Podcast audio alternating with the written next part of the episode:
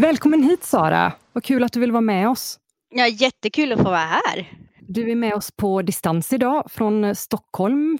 Ja, precis. Jo, vi, vi alla jobbar ju hemifrån, så jag sitter här nu hemma på min kammare i Kumlenäs utanför Stockholm, i Nacka. Var jobbar du någonstans? Eh, jag jobbar på ett företag som heter Marinkraft och eh, jag är konsultchef där.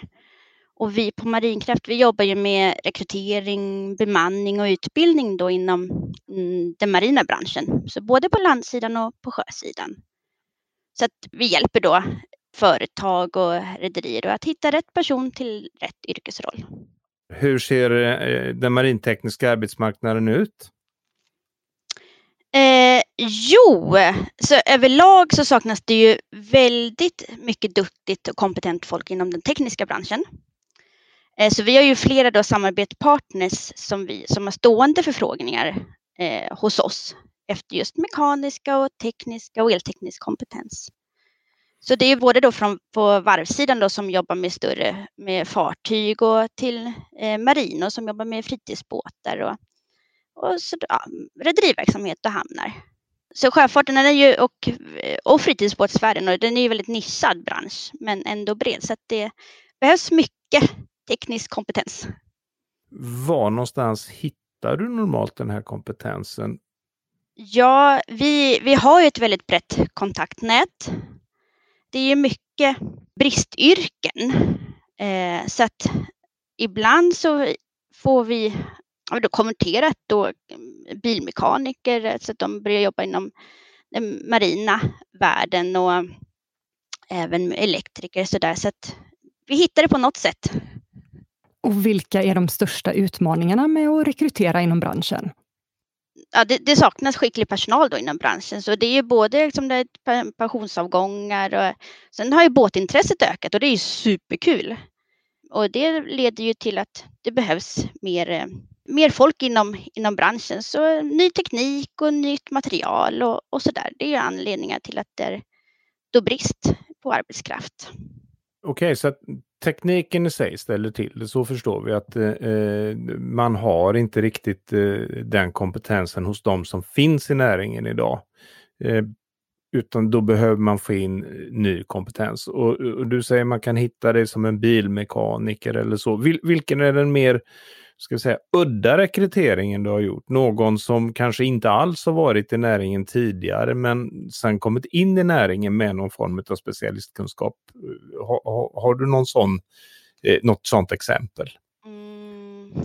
Ja, vi har ju sökt då personal till ett företag som jobbar och tillverkar undervattensfarkoster. Och det är ju väldigt specifikt och det är inte så många som har en sån väldigt eh, specifik kunskap. Eh, så där har vi tagit från montörssidan då och eh, ja, så får de fått lära sig helt enkelt. Det låter som det är lite roligt med pusslande och, och förstå eh, människors eh, kompetens och kunna måla det blått. Är det att förstå det rätt? Precis. Så är det. Men det viktigaste är att man, man har ett intresse och man har en förståelse. Sen, sen lär man sig. Alla går ju inte en eh, marinteknisk utbildning på gymnasiet. Vilka andra vägar finns det in i branschen? Mm, precis. Du nämnde där gymnasiet. Det, det finns ju marintekniskt program man kan läsa då i Mariestad och sen så finns det Marinläroverket i Danderyd. Men andra vägar, ja, men som, som jag nämnde förut, först och främst är det viktigt att man tycker det är någorlunda kul med båtar. Så, där. så antingen då kanske man är lite, om man är praktiskt lagd och tycker det är kul att mecka och exempelvis ha ett tekniskt program, att man har gått ett tekniskt program på gymnasiet som fordon, el eller teknik eller mariteknik. Så efter det så man skaffar sig en yrkeserfarenhet då genom jobb efter, efter gymnasiet. Så på arbetsplatsen då så får personalen ofta fortbildningskurser då inom system och program. Så det är då om man är praktiskt lagd. Eller om man efter gymnasiet vill läsa vidare på universitet eh, och har någorlunda läshuvud så kan man ju då kanske läsa vidare till sjöingenjör eller civilingenjör i marinteknik. Eh, och då är man ju otroligt attraktiv på arbetsmarknaden efter den, eller studietiden. Som sjöingenjör då är man ju, man har möjlighet till jobb både till sjöss på fartyg och sen på landsidan. Och sen finns det ju även att om man efter gymnasietiden kommer på att man vill studera någon marinteknisk utbildning så kan man läsa på yrkeshögskolor. Och yrkesutbildning det är ju en skräddarsydd utbildning för att just möta en specifik yrkesroll på arbetsmarknaden. Så vi på Marinkraft har tillsammans med branschen har tagit med en utbildning för eh, marinservicetekniker som just då är ett bristyrke. Och flertalet av de studerande har fått jobberbjudanden då innan de har gått ut skolan. Och ändå så finns det ett stort behov av arbetskraft på marknaden. Det är en fin möjlighet om man känner att man kanske efter gymnasiet inte riktigt valde rätt eller att man mitt i livet känner att man vill ändra yrkesinriktning. Så kan man läsa marin sjöingenjör som också då är en yrkeshögskoleutbildning. Det måste jag rätta dig Sara, den mm. heter marin serviceingenjör. Vad sa jag då? då? Eh, eh, sjöingenjör. Jaha! Får vi, ja, det är ingen fara med det, utan jag tror att det faktiskt var en bra, eh, att det blev lite så, därför att eh, vi pratar om sjöingenjörer och vi pratar om marintekniska serviceingenjörer och så. Och jag tror att vi bör nog förklara det för lyssnarna att den här sjöingenjören, det är ju någon som i första hand faktiskt är tänkt att jobba ombord i ett mm. fartyg. Mm. Som, eh, ja, sista befattningen där jag sagt, men den högsta befattningen är ju teknisk chef. Mm. Medan de serviceingenjörerna vi pratar om, de kommer att jobba med systemen ombord i fartygen fast vara anställda oftast i land mm. på ett varv eller på något företag som jobbar med marintekniska system. Precis. SMTF, eller jag representerar SMTF, ledningsgruppen för IO-utbildningen i Uddevalla. Har ni någon kontakt med de eleverna ifrån eh, IO-utbildningen i Uddevalla? Ja, det har vi ju. De är ju som sagt också väldigt attraktiva på arbetsmarknaden. Vi försöker hjälpa dem med både LIA-platser och sen eh, jobb. Du nämnde LIA-platser. Vi kanske skulle förklara det. Vad, vad innebär det för någonting? Jo, LIA-plats det, det står för lärande i arbetslivet. Och det är likvärdigt då med praktik kan man säga. Och, eh, yrkeshögskolor de har väldigt mycket LIA i deras utbildningsplan.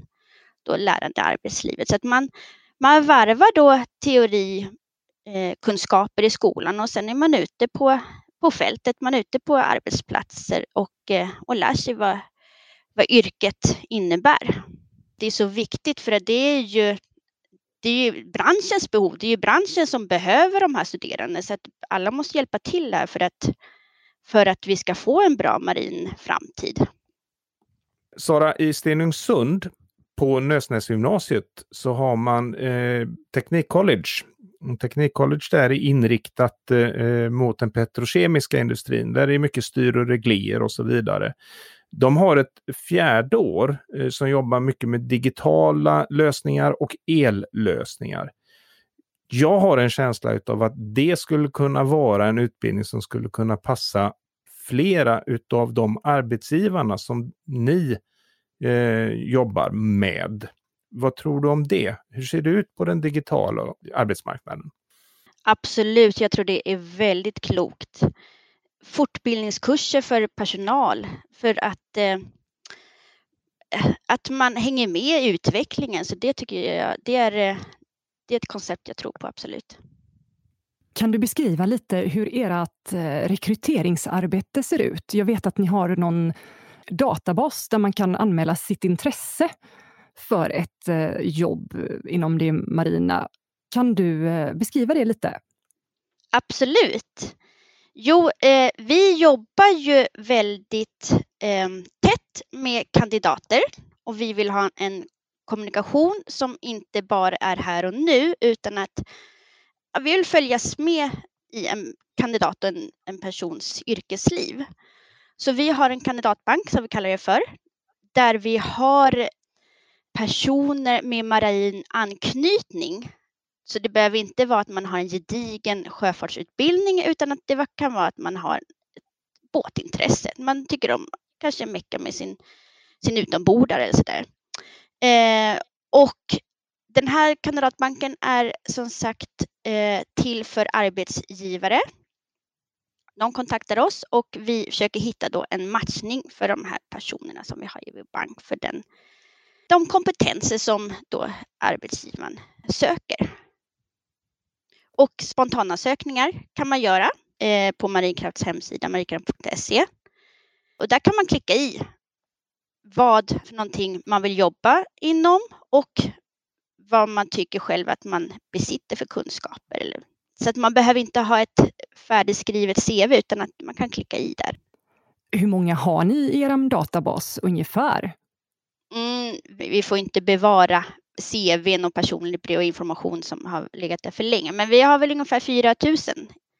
Och vi vill ju som sagt matcha eh, rätt person till rätt yrkesroll. Hur ser längden på de olika uppdragen som ni förmedlar ut?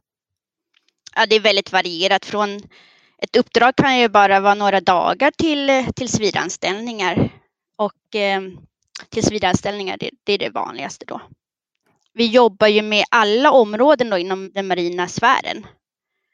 Så det kan ju vara allt från servicemekaniker som ska ut på marinor och kämpa med den gamla sjunkna Honda-motorn i skärgården till tills vidare tjänst för befälhavare på forskningsfartyg och säljare till båtmässor för solceller och ja, det är varierat.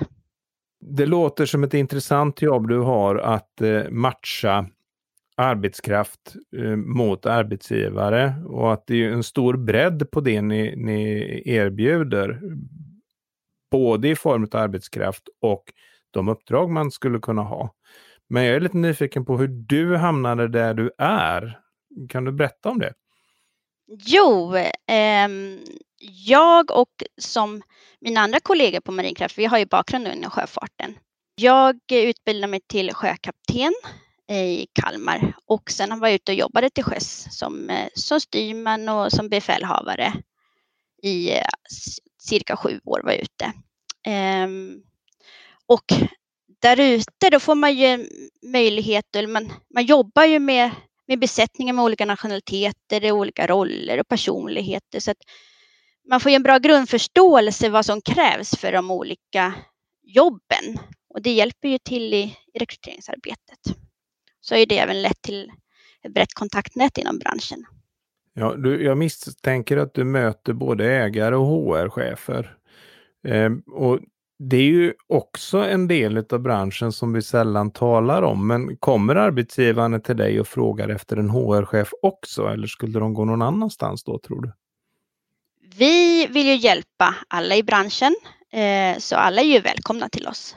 Absolut. När du ser tillbaka på eh, din tid på gymnasiet, var det helt eh, klart som korvspad att du skulle utbilda dig till sjökapten senare? Nej, bra fråga när jag gick i högstadiet eh, och gymnasiet, jag eh, hade ingen tanke på direkt att jag skulle vilja ut på sjön och jobba. Jag väl, mina funderingar gick väldigt grann att jobba inom hjälporganisation eller jobba med djur som veterinär. Så där. Men jag har ju jag vistas en, del, en hel del ute i skärgården, och Stockholms skärgård under min uppväxt och så. Så att havet alltid funnits nära till hands. Men det var en, av eh, ren slump att jag började jobba på skärgårdsbåtar då efter gymnasiet. Och det var genom det eh, som livet ombord där som, som väckte mitt intresse. Så där jobbade jag först som flunka då i kaféet, kafeterian och sen så fick jag upp lite matrostid så jag gick över och jobbade på däck där. I den där bubblan så var det det enda som existerade. Sen helt plötsligt var det en självklarhet att jag skulle gå in och läsa. Och det är jag ju oerhört glad att jag gjorde. I den där bubblan, som väl jag också har varit, så är vi ju duktiga på att använda ord som kanske inte alla förstår. Så flunka tror jag att du behöver förklara lite. Precis. Ja, det är ju ett helt, eh, ska man säga, det är ett helt språk inom, inom sjöfarten. Eh, flunka, det är en person som, som står och jobbar i, i kafeterian i, i servis ombord på, på båtar. Där kan jag säga att jag har lärt mig någonting nytt idag. Men jag tror också jag hade en sån här liten romantisk idé sen när jag väl hade bestämt mig att jag skulle gå in och läsa då att, att eh, få upptäcka världen och samtidigt vara nära naturen och havet och alla dess krafter och sådär. Och sen gillade det att ständigt vara på väg någonstans och tillsammans med sitt team då som besättningen är. Så absolut, jag är som sagt oerhört glad över att jag valde den här branschen.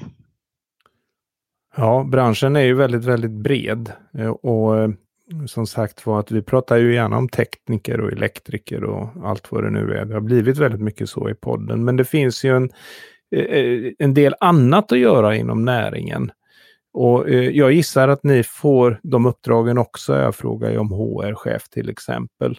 Men om du tittar på, på eh, de här rekryteringarna, vad, vad, kan man göra om det inte handlar om tekniskt eh, arbete inom branschen?